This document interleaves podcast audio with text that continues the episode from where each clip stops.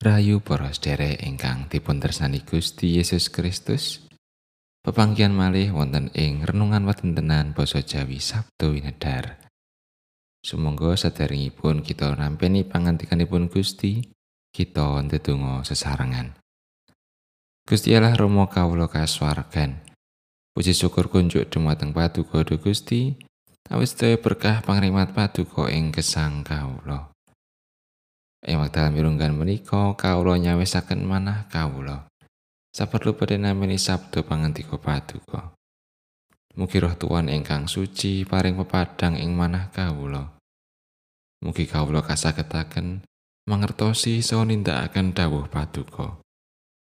Kawula ngrumaosi dereng saged ngecakaken dawuh paduka kanthi sampurno. Mugi Gusti kersa ngapunteni. Sedaya panyuwunan pasambat kawula menika. Kawula aturaken nambaran asma dalam Gusti Yesus Kristus. Amin. Wawasan kapendet saking setunggal yokanan bab kali, ayatipun kalih likur dumugi wolu likur. Sopo to si pangawak goroh iku? Apa dudu kang nyelaki yen Gusti Yesus iku Sang Kristus? Yaiku si Antikristus kang nyelaki marang Sang Rama lan Sang Putra. Amarga wong kang nyelaki marang sang putra iku iya ora duweni sang rama. Kang ngakoni marang sang rama iya duweni sang rama. Ana dene mungguh kowe iku. Apa kang wis padha kok rungu ing wiwitan mula iku tetep ana ing kowe. Menawa apa kang wis kok rungu ing wiwitan mula iku tetep dumunung ana ing kowe. Dadi kowe iya bakal padha tetep ana ing sang putra lan ana ing sang rama ana dene prasetyo kang diprastiyake dening panjenengane piyambak marang kita iya iku urip langgeng. Kabeh iki anggonku nulis marang kowe bab wong-wong kang sumedya nasarake kowe. Sebab jebatan kang wis padha kok tampani saka panjenengane iku tetep ana ing kowe. Marga saka iku kowe ora perlu diulang dening wong liya. Nanging kaya dene bab anggone jebati iku mulang marang kowe. Bab samu barang lan piwulange iku nyata ora goro. Lan kaya dene anggone panjenengane biyen wis mulang marang kowe, mangkono uga kowe padha tetep ana ing panjenengane.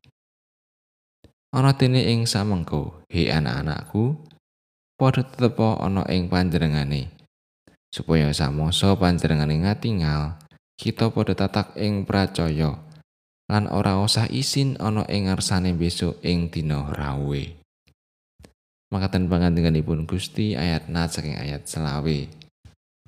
Ana dene prasetyo kang diprastiyake dening panjenengane piyambak marang kita, iya iku urip langgeng. Seramatipun Gusti Allah ingkang awujud prasetyo gesang langgeng menika sanyata sampun kita tampi lan raosaken ing gesang. Saben tiyang ingkang mirengaken pangandikanipun Gusti Yesus lajeng pitados mesti nggadahi gesang langgeng. Langkung saking menika, tetiyang menika saged kanthi temen mitadosi kayekten. Rasul Yohanan paring paseksi, kita wis padha kaparingan urip langgeng dening Gusti Allah. Lan urip iku dumunung ana ing Kang Putra. Sapa kang duweni Sang Putra, iku duweni urip. Sapa kang ora duweni putraning Allah, iku ora duweni urip. Sukayo kanan gangsal ayat 11 lan 12. Gesang ingkang langgeng menika wonten ing Sang Kristus. Kanthi cetha Gusti Yesus ugi ngandika, Aku iki dalane sarta jatine kauripan. Ora ana wong siji-siji kang bisa sowan marang Sang Rama menawa ora metu ing aku. Gusti Yesus menika Sang Gesang piyambak. Gusti Yesus dedalem wonten ing gesangipun para tiyang ingkang sami pitados. Kanthi dasar menika, para tiyang pitados nggadahi piyandel bilih piyambakipun sampun terbe gesang langgeng. Supados perstianipun Gusti Yesus menika saestu mawujud wonten ing gesang kita. Kita kedah terbe gesang ing patunggilan ingkang sang saya rumaket kalian panjenenganipun ingkang kagungan gesang. Sang saya wuwuh anggen kita sami memuji ngluhuraken asmanipun Gusti Allah. Lan ing sadengah kawontenan tanpa kendat anggen kita ndedonga nyuwun dumateng Gusti Allah. Satemah kita saged mangertos kersanipun Gusti Allah tumrap kita.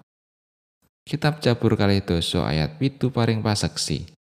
Saiki aku sumurup yen Sang Yewah paring kaunggulan marang kang dijebati lan paring wangsulan saka ing swargane kang suci kalawan kamenangan kang kumilang dening astane tengen.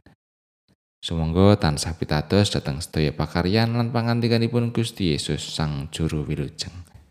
Amin.